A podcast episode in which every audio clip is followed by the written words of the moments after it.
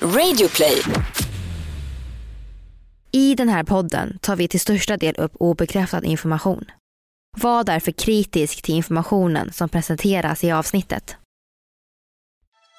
These were horrendously damaging experiments, and uh, in fact, they just didn't give a damn about the people who were the subjects of them. This is way out of the realm of fiction or supposition or conspiracy theory or speculation. This is absolute documented fact.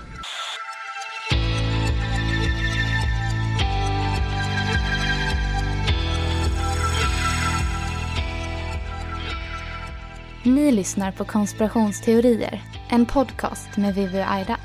Och det här är en annan sida av historien om CIAs nedtystade projekt, MK Ultra.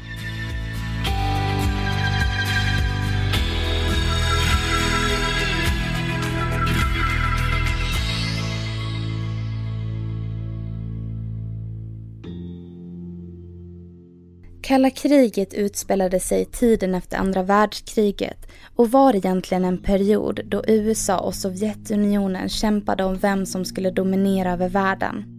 Det var även under kalla krigets gång som många av dagens konspirationsteorier började uppstå i samhällen. Under de 40 åren som kalla kriget pågick började människor tröttna på krig och elände och samtidigt också de hemligheter regeringen hade. Hemligheterna tog aldrig slut det var det ena efter det andra. Från hemliga arméer under slutet av andra världskriget till Watergate-skandalen. Men det här avsnittet ska inte handla om kalla kriget, även fast det är intressant i sig. Vi ska titta på det som USA, och främst CIA, kände sig tvungna att göra under tiden för kalla kriget för att kunna gå segrande därifrån. Vi ska titta på det amerikanska projektet MK Ultra något som CIA finansierade under 50-talet för att skapa supersoldaten. De flesta av dokumenten från MK Ultra finns inte kvar idag, för mycket av informationen blev förstörd med åren. Blev de förstörda med flit för att komma undan med det? Ja, för MK Ultra var ett olagligt forskningsförsök. Men frågan kvarstår ändå. Vad är det i MK Ultra som är sant? Vi vet en del, men vi vet ju faktiskt inte allt. Så det ska vi försöka reda ut idag, när vi ska berätta om en konspirationsteori som visade sig vara mer än bara teorier. Projektet MK Ultra är nämligen säsongens första sanna konspirationsteori. Det här är en podcast för dig som är intresserad av en annan version av verkligheten. En version som tar upp alternativa teorier mystiska sammanträffanden och diskussioner om vad som kan vara sant. It's been over half a century since Alan Dulles resigned as director of the CIA, but his legacy lives on. Between 1953 and 61, under his watch, the CIA overthrew the governments of Iran and Guatemala invaded Cuba, was tied to the killing of Patrice Lumumba, Congo's first democratically elected leader. Many of the practices that still provoke bouts of American soul searching originated during Dulles' formative rule at the CIA. Talbot goes on to write mind control experimentation, torture, political assassination, extraordinary rendition, mass surveillance of U.S. citizens and foreign allies. These were all widely used tools of the Dulles reign. Vi startar från början, år 1953. En ganska stressad man, Alan Dulles, vandrar fram och tillbaka i sitt kontor.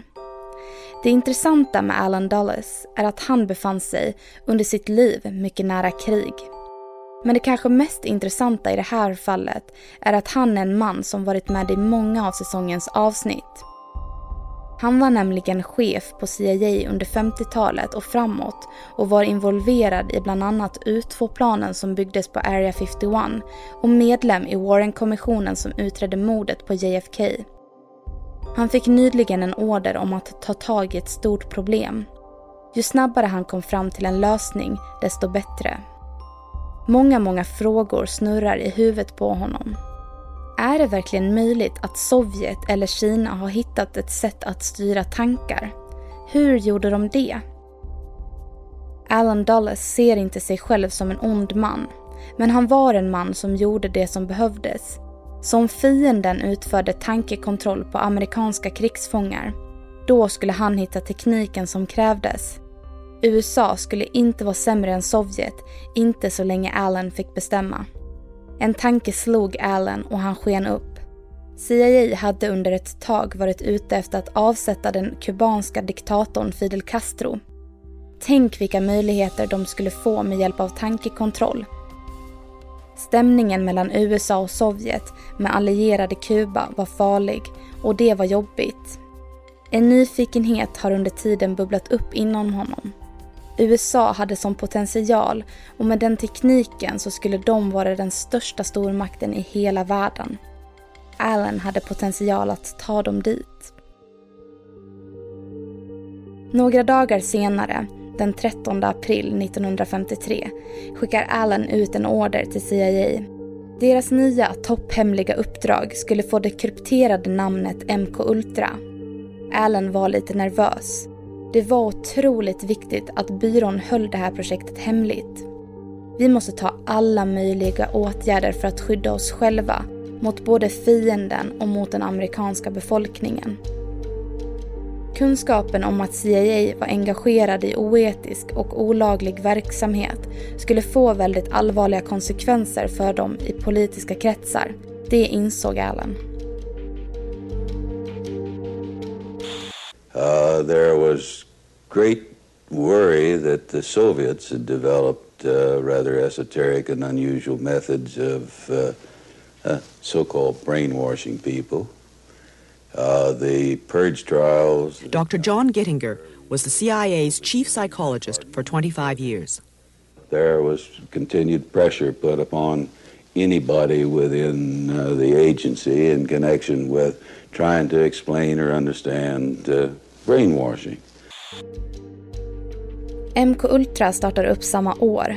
Allen fick den hjälp han behövde för att strukturera upp projektet som nu hade fått en klar och tydlig avsikt. De skulle studera mänskligt beteende vid användningen av olika biologiska och kemiska ämnen. Och som Allen önskade förblev projektet hemligt. I korta drag är uppdraget att förbättra individens förmåga att motstå lidande, tortyr eller tvång under förhör. Skapa minnesförlust, chock och förvirring. Ändra personligheten på individer och mycket, mycket mer. Allen vill verkligen hjälpa sitt land att skapa supersoldaten som aldrig skulle bryta ihop eller avslöja hemligheter. Han ville också kunna minska en persons rädsla för att dö eller döda, hjärntvätta fiender och annat som skulle gynna CIA och ännu viktigare, hjälpa deras land. Det gjorde honom arg att tänka på de stackars amerikanska fångar som blev utsatta för tankekontrollsexperiment och Sovjets vägnar. Nu var alla papper klara och projektet var på gång med Allen som chef. Det enda som faktiskt saknades var testpersoner. Drogmissbrukare, prostituerade och cancerpatienter blev intressanta personer för CIA. Varför CIA valde just dessa människor kan vi bara spekulera kring.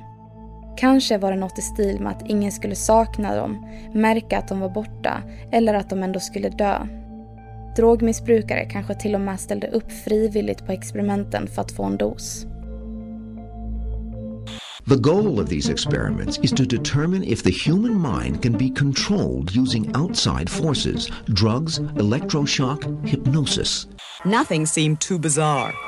To find out if sex could be used in spying, the agency studied San Francisco prostitutes and their clients.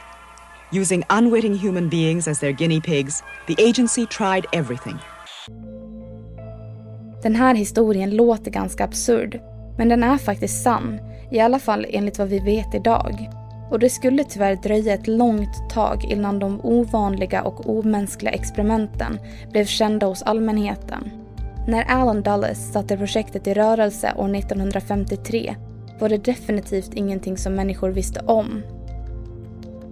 Det var snarare 20 år senare, under 70-talet, som människor började ana att någonting var i görningen. Men givetvis så förstördes alla bevis innan. Eller ja, så var det inte den här gången. Innan CIA skulle ställas inför rätta och vi kunde se vad som verkligen hade inträffat bakom stängda dörrar så försökte de förstöra alla dokument om programmet. Men ungefär 20 000 dokument blev kvar som innehöll information om hur projektet finansierades och gav en värdefull inblick i verksamheten. 20 000 var i sammanhanget inte speciellt mycket, men det var någonting i alla fall. Författaren Mark Seppesau sa en gång att the surviving history is nasty enough, som på svenska betyder någonting i stil med de kvarglömda berättelserna är otäcka nog. Vi kan nog alla hålla med om det.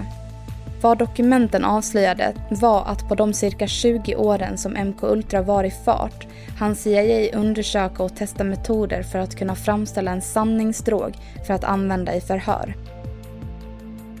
Men CIA är ingen forskningsorganisation och för att lyckas med det ändamålet behövde de hjälp utan att någon fick veta det. För inte ens personerna som blev delaktiga i MK Ultras forskning visste om att de var det. Vad vi vet i alla fall. Och här kommer frontorganisationerna in i bilden. Som enkelt kan förklaras som ett företag som fungerar som en täckmantel och är kontrollerat av ett annat företag. Det visade sig att över 80 universitet, mentalsjukhus, laboratorier, läkemedelsföretag, sjukhus och fängelser var involverade i experimenten. Men hur gick det till då?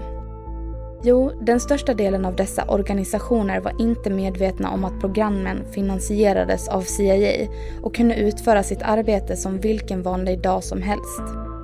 När de utförde och undersökte former av hypnos, försökte framställa sanningsserum av läkemedel och gjorde psykologiska studier kring manipulation så visste de inte att det var för CIA de jobbade eller att det skulle användas för det ändamålet de gjorde. Genom frontorganisationerna kunde CIA nyttja lokaler och personal utan att någon visste.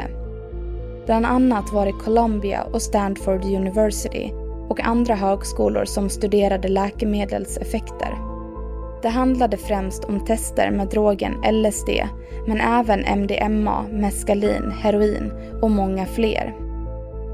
Det sägs av konspirationsteoretiker att projektet MK Ultra tilldelades 6% av CIAs totala tillgångar under den här tiden.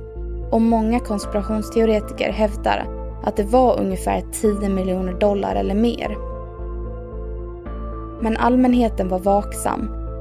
Under 1970-talet började det tisslas och tasslas om MK Ultra och olagligt spionage på amerikanska medborgare.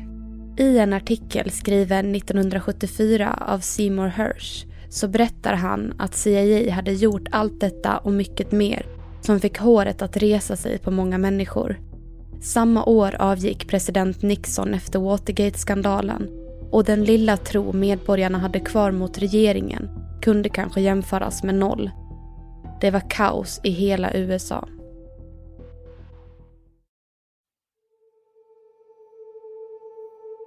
Alan Dulles dog 1969 och någon annan tog över MK Ultra. Till slut landade projektet i händerna på Richard Helms och det han gjorde skulle göra arbetet svårare för utredarna i framtiden.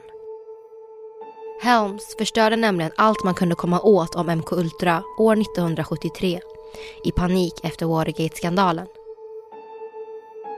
MK Ultra first came to light in 1975 when Congress launched an investigation into CIA practices.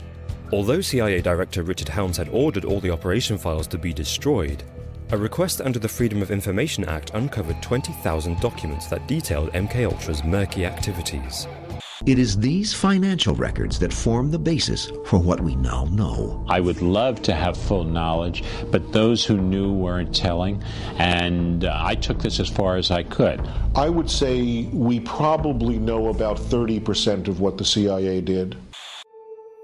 Den efterföljande presidenten, Gerald Ford, satte genast igång med att bygga upp tilliten igen och startade med att sätta ihop USAs President's Commission som skulle undersöka CIAs aktiviteter inom landet, däribland MK Ultra. Vicepresidenten Nelson Rockefeller ledde gruppen som nu skulle gå till botten med experiment på ovetande amerikanska medborgare. Även USAs Church Committee hade en hand med i spelet gällande undersökningen av MK Ultra och deras mål var att utföra en större utredning kring maktmissbruket av både CIA, FBI och andra underrättelsetjänster i landet. Tack vare dem kom tusentals dokument fram gällande MK Ultra och president Ford kunde år 1976 förbjuda drogexperiment på människor utan samtycke. Men de 20 000 dokument som hittades var inte tillräckligt för att berätta allt om tiden då projektet var igång. Därför fick Church Committee och Rockefellers undersökningar nästan helt och hållet förlita sig på vittnesmål och på det relativt lilla antal dokument som överlevde Helms förstörelse. Ungefär två miljoner amerikanska medborgare föll offer för CIAs MK Ultra på ett eller annat sätt. Det var familjer, anhöriga och bekanta som miste sina nära och kära. Under de cirka tio åren som projektet var som mest verksamt, mellan 53 och 64, hann det experimenteras på både barn och vuxna. Och det värsta är att experimenten fortsatte trots att CIA visste vad det gjorde med människor. As you probably know, electroshock treatment has been given for depression for something like 40 years now. It's a very successful and uh, useful treatment for severe depression that doesn't respond to other things. But depatterning is a use of electroshock treatment in a totally different way, in which instead of giving the shocks, say, two or three times a week, uh, they're given two or three times a day. They kept you asleep for 23 days and while I was asleep, they were shocking the heck out of me with electric shocks.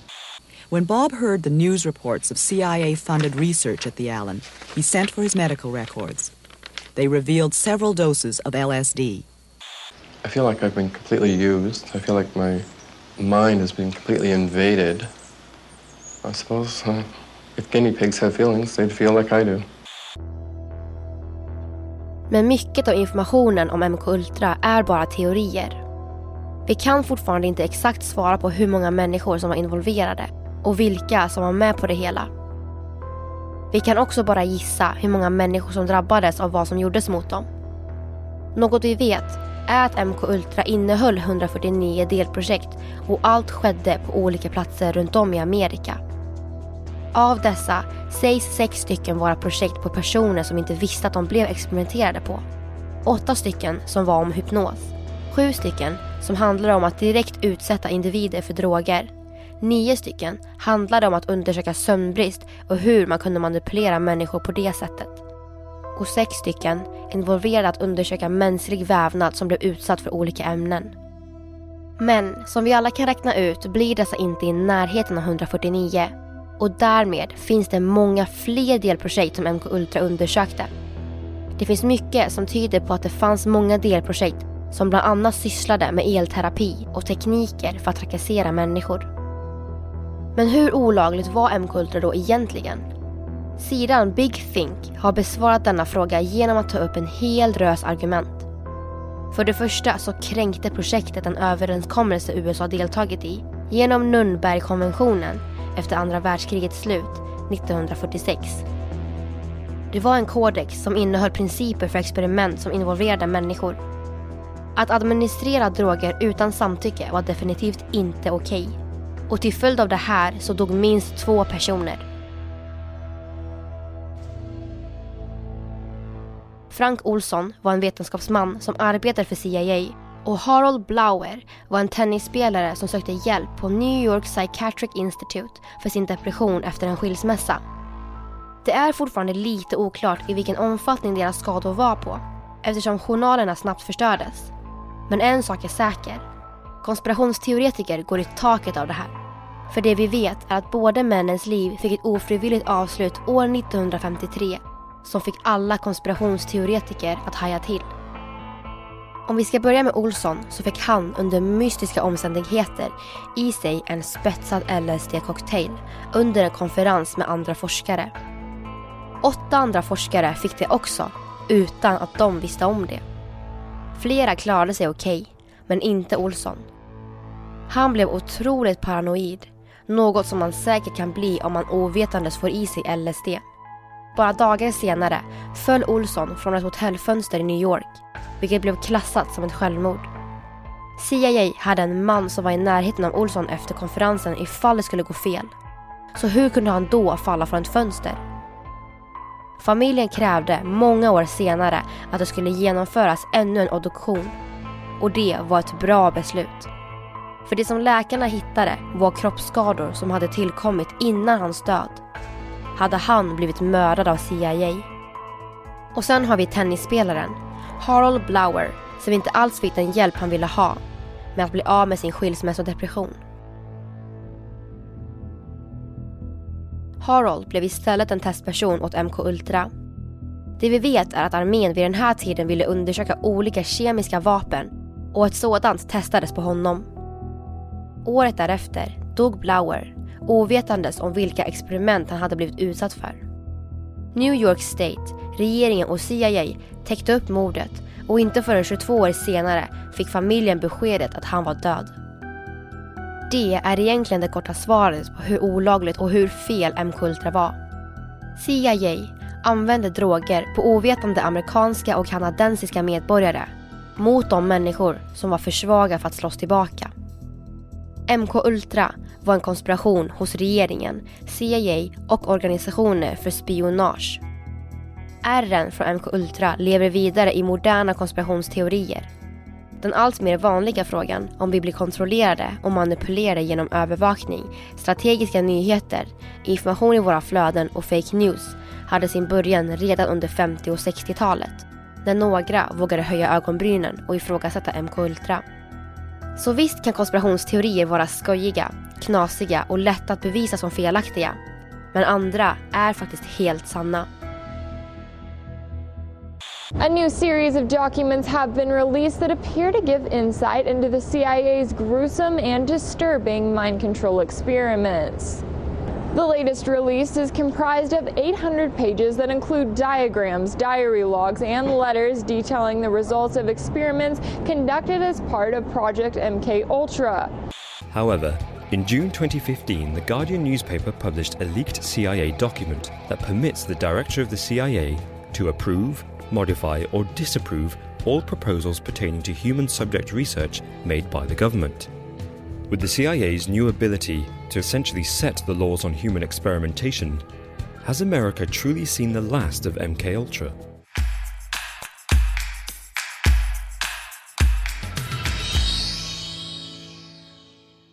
Jo, men många har ju kanske inte hört talas om just MK Ultra, men många har hört talas om Stranger Things. Och MK Ultra är ju faktiskt en stor del av den serien. Så om vi kort ska dra handlingen i den här Netflix-serien då, utan att spoila något, så kanske ni som har sett den kan dra den här kopplingen. Den handlar alltså om en stad på 80-talet och där får man hints om att MK Ultra är exposed och då får man följa Eleven som varit på en av de här institutionerna som de utfört experiment på. Och nu vet inte jag om det här jag kommer säga är en spoiler så för er som fortfarande tittar på serien och inte har sett klart eller planerar att titta på den så tycker jag att ni ska spola fram några sekunder för jag kommer att prata om en grej nu som kanske är en spoiler. Och det handlar helt enkelt om Elevens mamma i serien så får man även se att Elevens mamma blir experimenterad på. Och hon blev experimenterad på när hon hade Eleven i magen. Och då kan man ju undra hur Eleven fick krafter. Ja, alltså och sen i serien så får de ju liksom krafter av de här experimenten och det var väl det CIA ville att de skulle få kanske. Mm, Men precis. det hände nog inte i verkligheten. Nej, nej, nej, nej, verkligen inte. Men ni kanske vill veta vad MK Ultra står för, eller MK Ultra som det heter på engelska. Eh, MK står alltså för att projektet var sponsrat av en viss del inom CIA och Ultra var vanligt förekommande namn på de mest hemligstämplade sakerna under andra världskriget. Ja, så då kan man ju dra kopplingen att MK Ultra var funded by CIA, av, ja, eller ja, av en viss del av CIA och att det var ultra hemligt, super, super hemligt. Top, top secret. Mm. Men hur som helst. Vi började i alla fall det här avsnittet med att berätta att Alan Dulles var väldigt stressad. Och hela USA var egentligen stressade också för att det var kalla kriget och man började få nys om att Sovjet lyckades få fram väldigt bra informativa svar från deras krigsfångar. Och det var ju då ett tecken på att de hade hittat någon slags teknik som inte USA hade än. Ja, och eh, USA vill ju som vanligt inte vara sämre än någon annan. Så de blev paranoida och rädda att deras egna soldater skulle gå mot landet och fick för sig massa saker som de trodde kunde hända. Och just därför så startades M-Kultra och när projektet var igång så insåg ju CIA efter ett tag att det inte gav så mycket eftersom att de utförde experiment på folk som visste om att de var utsatta för ett experiment och insåg därefter att de behövde experimentera på folk som inte visste om det för att det skulle kunna få ett bättre resultat från de här experimenten då. Så att de började helt enkelt testa på sina egna människor. Och eh, hur det gick till är precis som det egentligen går till när folk blir neddrogade utan att veta om det. Man eh, smugglar in det i drycker och mat och så vidare. Så att testa på ovetande personer är ju inte direkt rocket science. Mm, så alltså håll koll på era drinkar när ni är ute och på krogen och så hörni. Mm -hmm. Men tillbaka till det som hände förut med MK Ultra. Mm. Ja, en eh, annan problematik i allt det här var egentligen att deras egna testpersoner i efterhand inte fick någon form av uppföljning. Alltså att de inte fick någon form av treatment. Och problemet var att ingen kollade till att de faktiskt mådde bra. Och ni som har opererat er och sådär vet ju att man brukar få en uppföljning på sjukhuset. Och det fick i alla fall inte testpersonerna och detta gjorde att många, alltså jättemånga, får väldigt, väldigt illa av det. Ja, precis. Och det värsta är ju att dessa personer som blev testade på inte var medvetna om det och förmodligen aldrig förstod vad som hade gått snett och varför de eh, mådde så eller varför de hade förändrats på det sättet de hade gjort. Ja, och det värsta är ju att de vet ju inte vad det var som förändrade dem.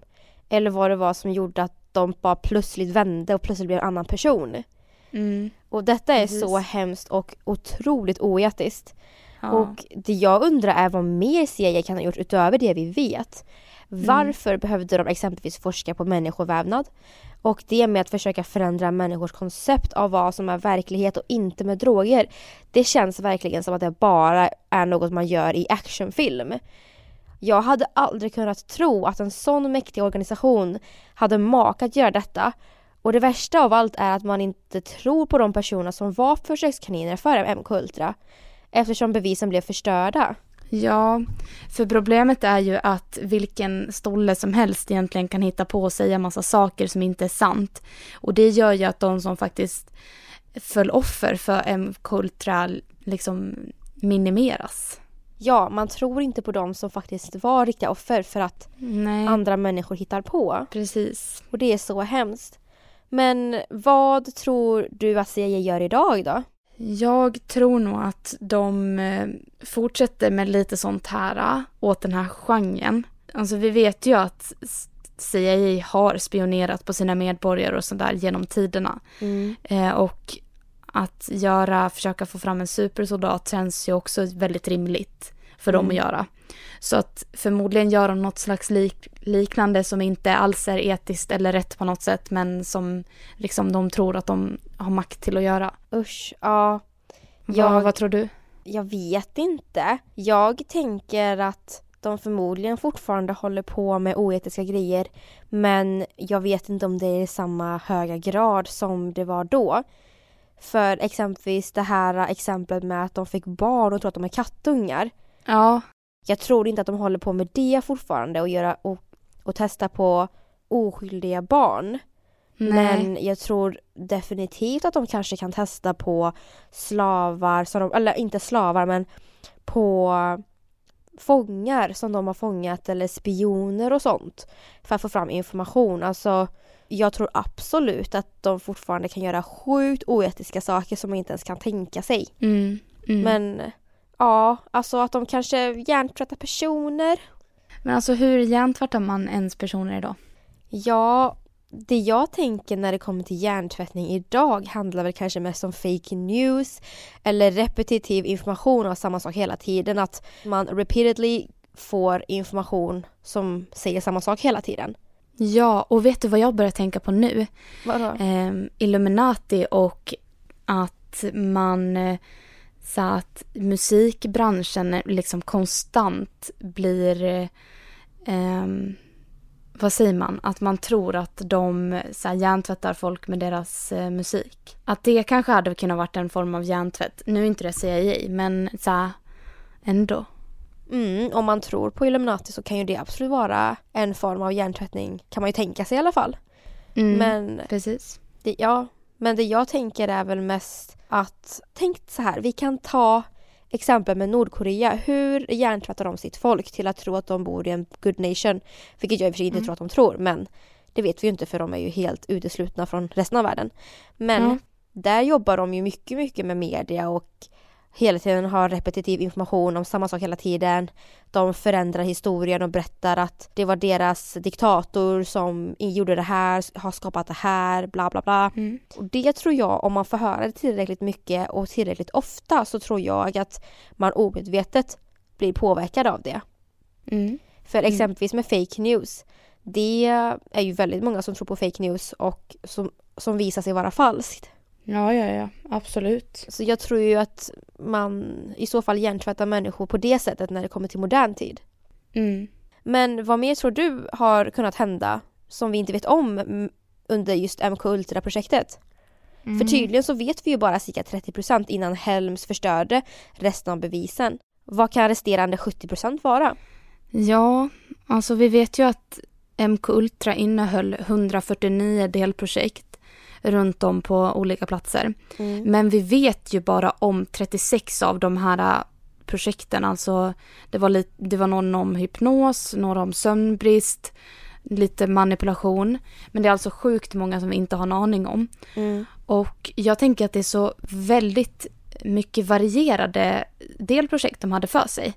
Ehm, till exempel det här med undersöka mänsklig vävnad. Eller typ så tekniker för att trakassera.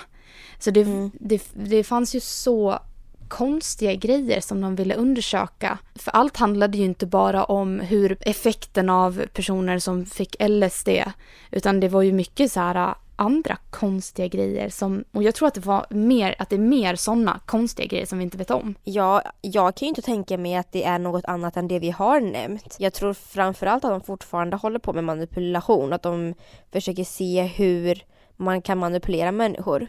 Och Ja, framförallt... du tror att de gör det fortfarande eller? Ja, jag tror att de försöker hitta massa olika sätt att manipulera människor på. Och speciellt med modern teknik, hur man gör det. För Mm. jag vet inte vad mer man skulle undersöka.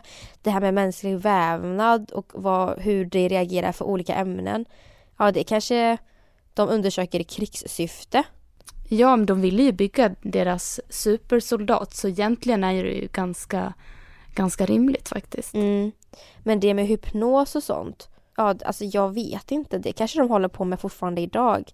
Det är så hemska grejer så jag, jag kan inte tänka mig något annat utöver det här. Nej. Eller Nej, har du alltså- någonting i, ta- i åtanke?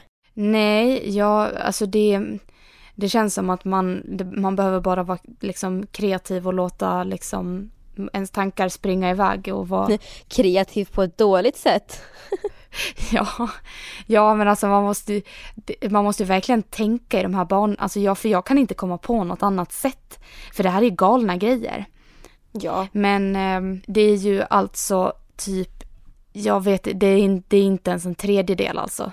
Som vi vet om. Nej, så tänk Ehm. vad mer de kan ha gjort. Ja, och ehm, det, sen, det här var ju liksom inte så här 149 personer utan det var 149 projekt. Det ingick ju många människor i de här projekten. Alltså det är ju kanske hund, hundra eller tusentals personer som har blivit verkligen fallit offer för de här äh, otroligt hemska grejerna och sen alla deras familjer och bekanta och så här vänner som har liksom mist någon på grund av att CIA tänker att de får göra så här. Ja, och när vi lyssnar på det här så låter det verkligen som vi sa i förra avsnittet att vi människor bara är marionetter i ett stort spel. De bara Mm. testar på oss och ser oss som vilken marionett som helst. Ja. Och det är väldigt läskigt. Men Ja. när MK Ultra officiellt var över så startade man upp projektet MK Search Och det var egentligen bara att CIAs MK Ultra fick ett nytt namn. Mm. För syftet var fortfarande att hitta någon slags sanningsserum. Det finns däremot nästan inga papper från MK Search för allt har ju förstörts. Men Mm. eftersom det egentligen bara var MK Ultra, förklätt under ett annat namn då, så utfördes troligtvis exakt samma saker. Mm. Så det betyder ju att när MK Ultra var över och man startade upp MK Search istället så Mm. fortsatte ju det. Så det betyder ju att CIA fortsatte med de här grejerna trots att de skulle sluta med det. Precis, och det är så sjukt. Och jag förstår varenda amerikan som inte har någon tillit till sin regering.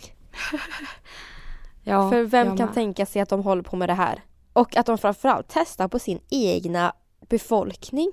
Det, det, hade, alltså det låter ju bara stört. För att man, de, de trodde ju att så Sovjet eller Kina eller så gjorde det på deras alltså amerikanska fångar.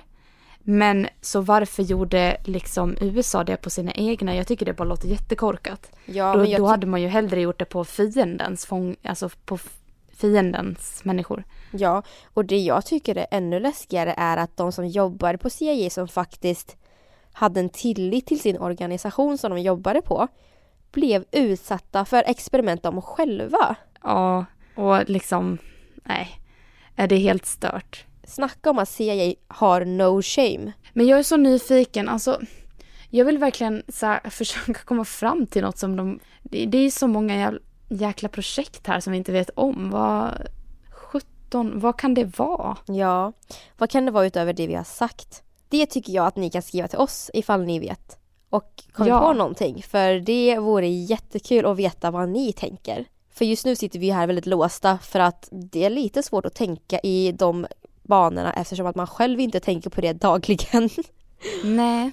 Men vad tror vi om konspirationsteorier nu då? Känner du att det har förändrats under denna säsong? Är du mer öppen till att tro att det kan finnas en annan version? Eh, Jag är definitivt upp, alltså mer öppen för att det finns en annan version.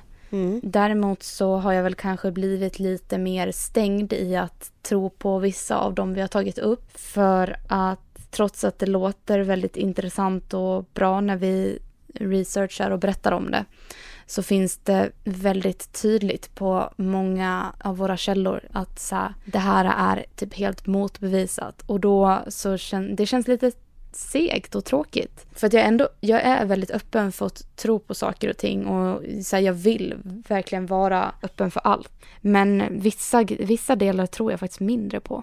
Mm, och det låter helt rimligt för jag är likadan. Jag Ja. känner att jag tror på vissa konspirationsteorier, till exempel den om Diana eller den om Mm. JFK, för de låter ändå helt legit. Men sen så Samma här. har vi massa andra konspirationsteorier som jag inte alls tror på, som jag tycker låter som rena rama strömpratet. Alltså ett exempel på det är ju Bermuda-triangeln, vårt första avsnitt, där man egentligen bara tog händelser runt om i världen och bara sa att de hade inträffat i en triangel i Atlanten. Ja, men hur kul hade det inte varit om det var sant att Atlantis låg där? Ja, nej men det är ju, alltså jag vill ju verkligen tro det. Ja, och jag tycker de här historierna är jätteroliga i sig och det är alltid kul att grotta ner sig och försöka förstå varför konspirationsteorier tror på en viss grej eller hur teorin kom fram. Exempelvis det med Bermuda vet vi ju nu att teorin kom fram för att förmodligen så sa folk olika händelser som hände runt om hela världen men de twistade lite på sanningen och sa att det hände i Bermudatriangeln. Ja, och dagens avsnitt är också ett exempel på det att människor började höja på ögonbrynen och ifrågasätta mer och mer och till slut så gjordes det undersökningar av CIA och där kom det ju fram då. Så att eh, det, alltså egentligen så ska man ju fortsätta uppmana människor till att ha, konspirationsteorier och ifrågasätta mer och liksom alltid vara lite skeptisk till de som bestämmer för att eh, vi alla är människor och människor kan göra fel. Ja, precis. Och se alltid till att ni har flera källor än en. Mm. Ifall ni hör någonting. Tro inte på det första ni läser utan kolla alltid upp flera källor. För det här Ja. med media literacy är så viktigt. Speciellt nu när vi har internet och Precis. massa information som vi har tillgång till. Ja. Men tillbaka till konspirationsteorier. Jag är, mer, jag är definitivt mer öppen för att tro på konspirationsteorier och det har jag alltid varit. Och Mm. ja, det är ju väldigt intressant. Och ni får gärna, gärna berätta ifall ni är öppna på att tro mer på konspirationsteorier eller ifall ni är mer stängda. Och framförallt varför ni väljer att lyssna på konspirationsteorier. Är det för att ni vill veta varför folk tror på det eller är det för att ni tycker det är kul? Det vore ju så kul om ni berättar. Och ja. hörni, i nästa säsong, ja, vi, just det, vi har en till säsong. ja, och den här säsongen är ju slut nu. precis, precis. Och tack vare er så kommer vi att få en till säsong och den kommer att börja i höst. Så ni alla får jättegärna skicka era teorier till oss så kan vi försöka få med så många som möjligt av era önskemål. Ja, och ni får ju absolut inte glömma att prenumerera på podden så att ni inte missar när vi kör nya avsnitt för då får ni upp en liten notis i eh, er app Yes. Och glöm inte heller att gilla och följa oss på Insta och Facebook. Alltså världens konspirationsteorier på Instagram och konspirationsteorier på Facebook och där vi också har vår källförteckning. Ja, och sist men inte minst så vill vi tacka så himla mycket för att ni har lyssnat. Det är tack vare er som vi får en till säsong och vi kommer att ta åt oss av all feedback, konstruktiv som bra feedback som vi kommer att använda oss av och försöka leverera en ännu bättre säsong. Så vi hörs i höst hörni! Ja, det gör vi. Hej då!